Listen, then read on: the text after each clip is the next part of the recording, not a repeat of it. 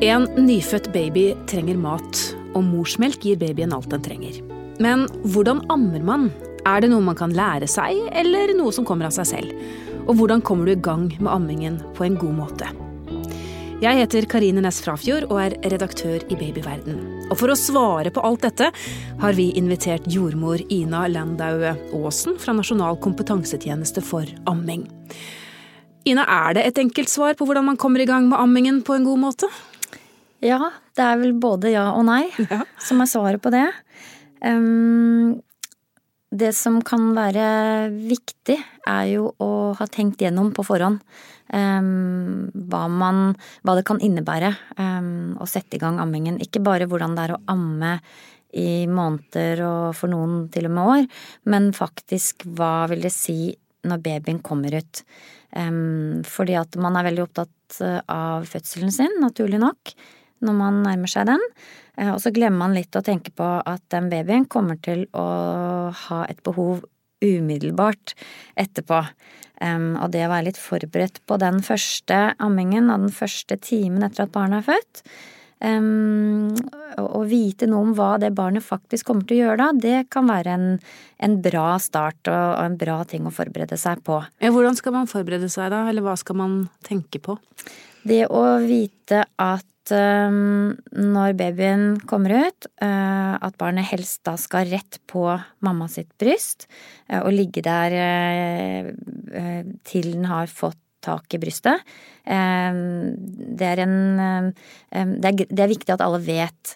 Det er selvfølgelig noen fødsler hvor barnet ikke kan komme rett til mor hvis det skjer noe underveis. Det kan, kan være sånn.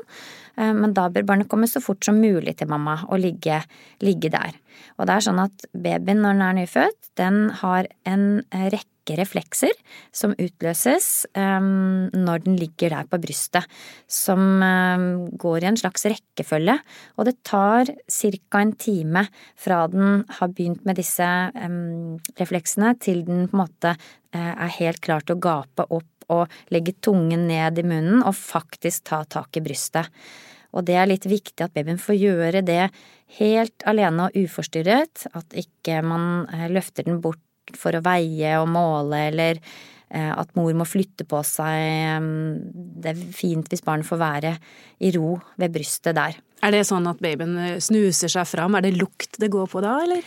Eh, Det diskuteres litt om det er lukt eller om det er syn, eller hva det er. Men eh, så, så, så det er Jeg har lest forskning både på, på, på lukt og syn, så ja, det er vel sikkert en kombinasjon. Og i tillegg så er det rett og slett instinkter og reflekser som utløses. Da kan man se når babyen begynner å smatte og stikke ut tungen, tar hånden til munnen, eh, tar på brystet til mor og nesten glipper litt, men det, det er på en måte sånn, sånn, det, sånn det skal skje. Og den kryper faktisk også rundt på brystet um, og leter etter det um, til den finner det. Og da tenker man jo kanskje det er, kanskje det er lukt. Mm. Du, jeg vet det er et stort spørsmål, men hvorfor er det bra å amme både for mor og selvfølgelig ikke minst barnet? Jo, for barnet, sånn i første omgang, så er det jo antistoffer i melken eh, som gjør at barnet beskyttes mot infeksjoner her og nå. Um, I tillegg så er det noen fordeler for barnet på sikt. Eh, forebygging av diabetes. Vi vet det er bra for det vi kaller kognitiv utvikling, eh, altså hjerneutviklingen. Um, og vi vet også at amming beskytter mot eh, overvekt senere i livet. Um, sånn at det har mange både korttids her og nå-effekter og langtidseffekter for barnet. Eh, Og for mor så eh, er det helseeffekter som handler om alvorlige sykdommer som brystkreft. Eh, Vi vet at amming forebygger det. Og også diabetes både type 1 og type 2. Sånn at det er ikke bare for barnet, men faktisk også for moren. Vesentlig og viktig å få hjelp eh, sånn at man kan få til ammingen hvis man ønsker det. Bare plussider ved å gjøre det. Ja, så lenge ammingen går fint og smertefritt, så er det bare pluss. Men vi kjenner jo til at mange mødre sliter, særlig med oppstarten. Eh, Og da er det klart at eh, da kan ammingen føles som et minus, og at det blir en dårlig stemning rundt damningen for mor, at hun sliter. Ja. Det skal vi lage et eget program på. Ja. men, men, før man kommer så langt, da, og du sier man skal forberede seg allerede før fødsel, men er det sånn at man kan vite at man kan amme? Kan alle kvinner amme? Fysiologisk sett? Ja, i utgangspunktet så kan de aller fleste det. Eh, det fins noen få medisinske tilstander eh, som gjør at man ikke kan amme, men det er veldig, veldig sjelden. Så jeg tenker at alle, alle skal ta utgangspunkt i at de kan amme. Gjelder det også de som er eh, brystopererte? Ja.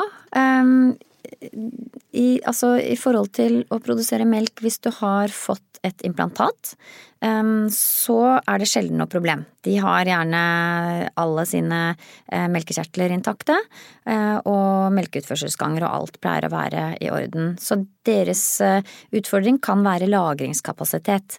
At de faktisk har såpass mye fyll i brystene at det ikke er plass til så mye melk, og da må de bare rett og slett amme litt hyppigere. Mm. Men vi er godt kjent med at mange fullammer barna sine lenge, og det går veldig, veldig fint.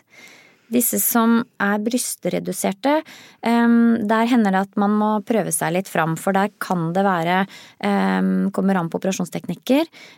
Da kan det være noe skade på enten utførselsganger eller nerver som gjør at de har, litt problemer med å få ut melken. Men det er mange av de også som, eh, når de setter i gang, fint får, får til ammingen og fint har på en måte de funksjonene de skal ha.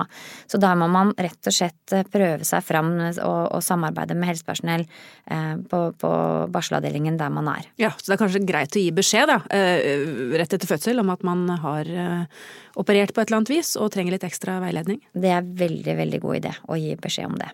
Altså er det jo mange som tror at de har litt lite melk.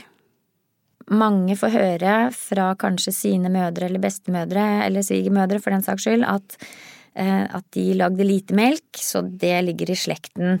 Um, og det er en sånn liten myte, da, som, uh, som henger igjen uh, fra en tid hvor man begrenset amming når man var på sykehuset, uh, slik at man kom i gang dårligere med melkeproduksjon og fikk en dårligere produksjon. Og det var jo litt sånn helsevesenet styrte for en tid tilbake, slik at, at, man faktisk bidro til at ammingen kanskje ikke kom så godt i gang som den skulle. Um, og det, det handlet jo om at man ammet etter klokken veldig, da, og på tidsintervaller, sånn at man ikke fikk lov å amme lenger enn så og så lenge. Så sånne myter og kjerringråd og slik gjorde mor og bestemor det, det skal man egentlig ikke høre på? Noe kan jo være stemme fremdeles, eh, men, men, noe av det er, er, rett og slett myter, og da tenker jeg at det er viktig at man eh, får kontakt med helsepersonell eller ammeveiledere som faktisk kan, kan, hjelpe deg og gi deg eh, svar. Mm. Men jeg tenker etter den første timen, da, når man har født barnet og barnet har funnet brystet, så er det jo noen rutiner kanskje som skal etableres, eller er det for tidlig å snakke om rutiner?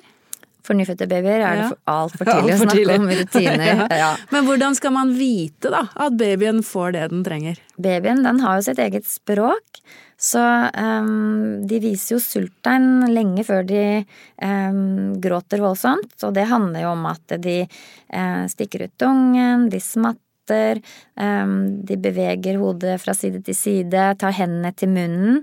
Og da er det jo uh, ofte sånn at de, de, på en måte gjør seg klar til å die uh, på den måten, og da kan man fint uh, prøve å legge til. Så slipper man å få en baby som hyler når man skal legge barnet til brystet. Så ved det minste tegn så er det bare å kneppe opp og legge det til? Ja, og særlig i starten er det gunstig, for vi vet noe om at de som ammer veldig ofte de første dagene, de eh, ser ut til at eh, kommer bedre i gang og får eh, en bedre melkeproduksjon senere også. Sånn at det er nok en fysiologisk viktig ting å faktisk gjøre. Sånn at en nyfødt baby spiser veldig, veldig hyppig. Og det er ikke så rart, fordi de har jo ligget inne i maven til mor, og der har de jo fått mat hele tiden. Det er ikke måltider inni maven, det er kontinuerlig, sånn kroppen til babyen er vant til å måte, hele tiden ha samme tilstrømning av, av mat og, og, holde blodsukkeret eh, der det skal være. Sånn at med en gang barnet kommer ut, så er det eh, overgangen til å begynne å spise, den, den krever at man gir barnet ofte. Um, og det handler jo også om at det er noe som heter råmelk i brystet når barnet kommer. Og råmelk har alle, men vi har det litt i forskjellige mengder, og veldig ofte er det ikke sånn voldsomt mye, og derfor så må jo også barnet spise flere ganger for å få i seg litt. Så jo oftere du spiser, jo mer får jo barnet i seg. Så man kan egentlig være forberedt på at de første, vet ikke, er det ukene da, at man nærmest har barnet til brystet hele tiden? Særlig de første dagene, ja. men det er ganske hyppig amming også de neste ukene. Så man, man, vet jo at magesekken til en liten baby tømmes for morsmelk sånn cirka to timer. Eh, tar det fra man har spist et morsmelkmåltid til til morsmelken er ute av mavesekken. Så da er det ikke så rart hvis babyen blir sulten igjen når det har gått eh, begynt å nærme seg to timer. Men så hører vi noen som sier at ja, men barnet skal spise hver sånn og sånn time, eksempel. At man prøver å lage en slags eh, plan på det, da. Er det riktig da? Det kan gjøre at man, at man kontrollerer ammingen for mye, og mm. da blir det ikke barnets behov som styrer melkemengden. Sånn at vi som jobber med amming, vi, vi, vil jo helst at, eh, at man eh, lar barnet styre. Sånn at det blir det man kaller eh, selvregulert. Og da regulerer på en måte babyen også sitt behov, og sier ifra og får respons når den gir beskjed om at den er sulten. Og så sendes da signaler hele tiden til, til brystet om hvilken mengde dette barnet trenger. Så da er det sånn at kroppen også tilpasser seg og produserer den melken som er nødvendig for dette barnet, da. Det er det. Mm. Så da er det ikke så mye Da går det egentlig av seg selv, da, eller? Det, det skal egentlig gå av seg selv. ja. Så hvis, hvis, barnet får lov å bestemme, og mor eh, lærer seg barnets signaler på sult, så, så, blir det et bra samspill, og da blir det riktig melkeproduksjon også. Mm. Og da, da, vil jo den melkeproduksjonen eh, holde tritt med barnet hele tiden, eh, når barnet får styre. Mm. Vi skal snakke enda mer om hvordan man skal komme i gang med amming på en god måte, men aller først tar vi en aldri så liten pause. Visste du at tidlig høytlesning, helt fra barnet er nyfødt, pangstarter språklæringen? Barn og babyer som blir lest for, utvikler språk og hjerne på en annen måte enn barn som ikke blir lest for. Godboken er bokklubben som tilbyr barnet ditt riktig bok til riktig tid, som engasjerer og bidrar til språkutviklingen. Se første bokpakke til barnet ditt på godboken.no. Vi snakker med jordmor Ina Landau Aasen fra Nasjonal kompetansetjeneste for amming om nettopp det med amming. og et ord som dukker opp er jo ammeteknikk, og det syns jeg høres veldig sånn teknisk ut. Eh, men det er jo viktig at man på en måte gjør det riktig. Hvordan ja. gjør man det? Ja, Ammeteknikk er, eh, er, superviktig, eh, for det handler jo faktisk om at barnet skal passe um, riktig inn på brystet, slik at mor kan amme uten smerter og ubehag, og at babyen faktisk er så godt um, koblet på brystet at, at, den overfører melk. For det er jo hele poenget med å amme, er jo at babyen skal få den melken ut fra brystet og ned i maven sin. Mm. Um, og da er det sånn at den må sitte godt på brystet, og det, det krever at, at, mor får øvd seg lite grann um, på hvordan dette skal gjøres sammen med barnet. Er det noe som skjer automatisk etter man har født, altså på barselavdelingen? Får man den hjelpen der? Ja, man skal få den hjelpen der. Um, og det handler jo om at, at, man ofte må be om den, fordi at det er uh, få som er på jobb i forhold til antall mødre og barn. Eh, så må man passe på at man får kontakt med helsepersonell når man er der. Det som er veldig viktig, er at man skal, sånn rent teknisk, er at babyen skal ha mye bryst i munnen. Og derfor er den første timen som vi snakket om tidligere, den, den er viktig fordi eh, barnet da lærer seg å gape stort. Og det er et kjempepoeng når man skal få god teknikk. Mm. Barnet må gape kjempestort for å få mye bryst inn i munnen. Gjør barnet det automatisk, eller er det noen triks for å få det til? Ja, den lærer seg det etter hvert, men i starten så må, er det jo en sånn eh, si, Det er som å lære å danse. Både mor og barn må på en måte komme i takt. Mm. Så barnet må få litt tid på seg, og noen ganger så, så trenger han litt tid på å lete ved brystet før den er klar til å gape. Eh, så må mor da selvfølgelig følge med på det. Og så hvis man i tillegg da peker med brystknoppen sin på nesetippen til barnet, og stimulerer, altså lar, stryker brystknoppen over nesen og overleppen, så stimulerer man også til at barnet søker og vil gape over brystet. Og så trekker man barnet veldig tett inntil seg når, når barnet gaper stort, sånn at man får barnet på, på brystet akkurat i det øyeblikket. Og det er litt sånn triks av og til å få øvd seg på det. Og da kan det være godt å ha en veileder til stede som, som kan hjelpe mamma å se akkurat når dette skal skje. Og så tenker jeg at her krever det tid. Dette krever tid. Ja. Det tar veldig mye tid. At man er forberedt på det og ikke stresser, tenker jeg. At, mm. at man ikke blir lei seg når det ikke funker med en gang. Mm. Fordi det skal ta tid. Ja, det vil ta tid. Og, og, det er noen ganger man ikke helt uh, får det til i starten, og man kan ha litt ubehag og smerter, og da er det ikke sånn at man skal bare amme um, med smerter, for det kan føre til sår. For det handler jo om denne teknikken, da. Mm. Så da er det viktig at man, at man får en veileder som kommer og, og observerer observerer og hjelper deg å finne akkurat det som er eh, utfordringen til deg og babyen din. Om det er gap, eller om det er akkurat når man skal koble på, eller hvordan barnet ligger på fanget eller i armen. Det er små justeringer som av og til skal til, og det, det skal man få hjelp til. Um, og få, få, um, få, på plass, uh, helst før man reiser hjem. Mm. Er det andre mm. ting enn denne altså andre ting i teknikken? Er det f.eks. hvordan man sitter eller ligger, eller er det, er det andre ting man bør tenke på? Ja, altså det er jo viktig at babyen eh, ikke henger i brystet, men at man faktisk holder babyen eh, i høyde med brystet. Um, hvis man vil, så kan man fortsette det man startet med rett etter fødsel. Da lå man jo i sengen med barnet på brystet, men man kan sitte sitte tilbakelent. Da får barnets eh, egne reflekser eh, mer eh, si, rom til å, til, å, til å, virke, og da um, tar ofte babyene brystet selv og tar det ganske godt. Så det er en veldig god måte å, um, å få startet ammingen på. Hvis mm. man, hvis man um, føler seg komfortabel med å sitte sånn delvis tilbakelent. Mm. Ofte så forbinder vi jo amming med problemer, men det er jo veldig mange som klarer det også helt uten trøbbel? Det er veldig mange som faktisk ammer uten trøbbel. Mm. Eh, men det er klart at um, de som har trøbbel, det er jo gjerne de vi hører fra. Uh, og de som har trøbbel, det, det, er, da, det er, vanskelig uh, å amme hvis man har, uh, har ubehag og smerter. Sånn at det, det er superviktig å da få noen som kan dette til å se på hva det er som skjer, sånn at man kan få justert, justert dette sugetaket og denne teknikken slik at, at um, babyen faktisk dier eh, effektivt, altså får i seg melken, men, òg at mor ikke har smerter. Det er kanskje det aller viktigste ja. en mor skal vite, eh, er at det skal ikke være smertefullt når man ammer. Og så er det sånn at man skal da be om hjelp, som du sier. Vi vet jo at uh, liggetiden på sykehusene blir kortere og kortere. Uh, når man kommer hjem da, det er heldigvis noe som heter Ammehjelpen. Det er hjelp å få selv om man er ute av uh, sykehuset også med babyen sin. Ja, det er det.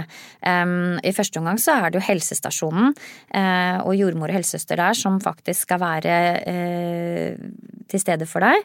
Um, noen ganger så kommer man jo hjem kanskje en fredag da, ettermiddag, ja. og har da lørdag og søndag da helsestasjonen stengt. Så da er Ammehjelpen eh, super, superviktig gruppe å ha. Mm. Og der, de fins jo både på Facebook, og man kan maile de, og til og med noen man kan ringe. Um, så der er det mange som har fått veldig god hjelp. Um, de, av ammehjelpere som, som, stiller opp. Og det er mødre som eh, ammer, har, ammer eller har ammet sine egne barn. Mm.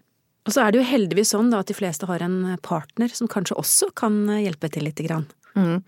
Og det er veldig viktig. Vi vet jo også at de som eh, får støtte eh, hjemme av partner, eventuelt også sin mor eller svigermor, de, de, klarer seg ofte bedre. Eh, fordi at det er en kjempeinnsats å få til ammingen. Det krever såpass mye at man trenger den støtten fra de rundt seg. Mm. Tusen takk skal du ha for gode råd, jordmor Ina Landau Aasen fra Nasjonal kompetansetjeneste for amming. Hvis du lurer på mer om dette temaet, finner du mange artikler på babyverden.no. Og diskusjoner med andre foreldre i Babyverdens diskusjonsforum. Last også ned appen vår, Gravid og barn, så har du informasjon om både graviditet og barnet ditt rett på telefonen. Har du spørsmål eller kommentarer, kan du sende en e-post til podkast at babyverden.no. Men husk, vi er journalister, ikke helsepersonell, så hvis du har medisinske spørsmål, må du ta kontakt med jordmor eller fastlegen din. Takk for at du hørte på Babyverden. Alt godt til vi høres igjen.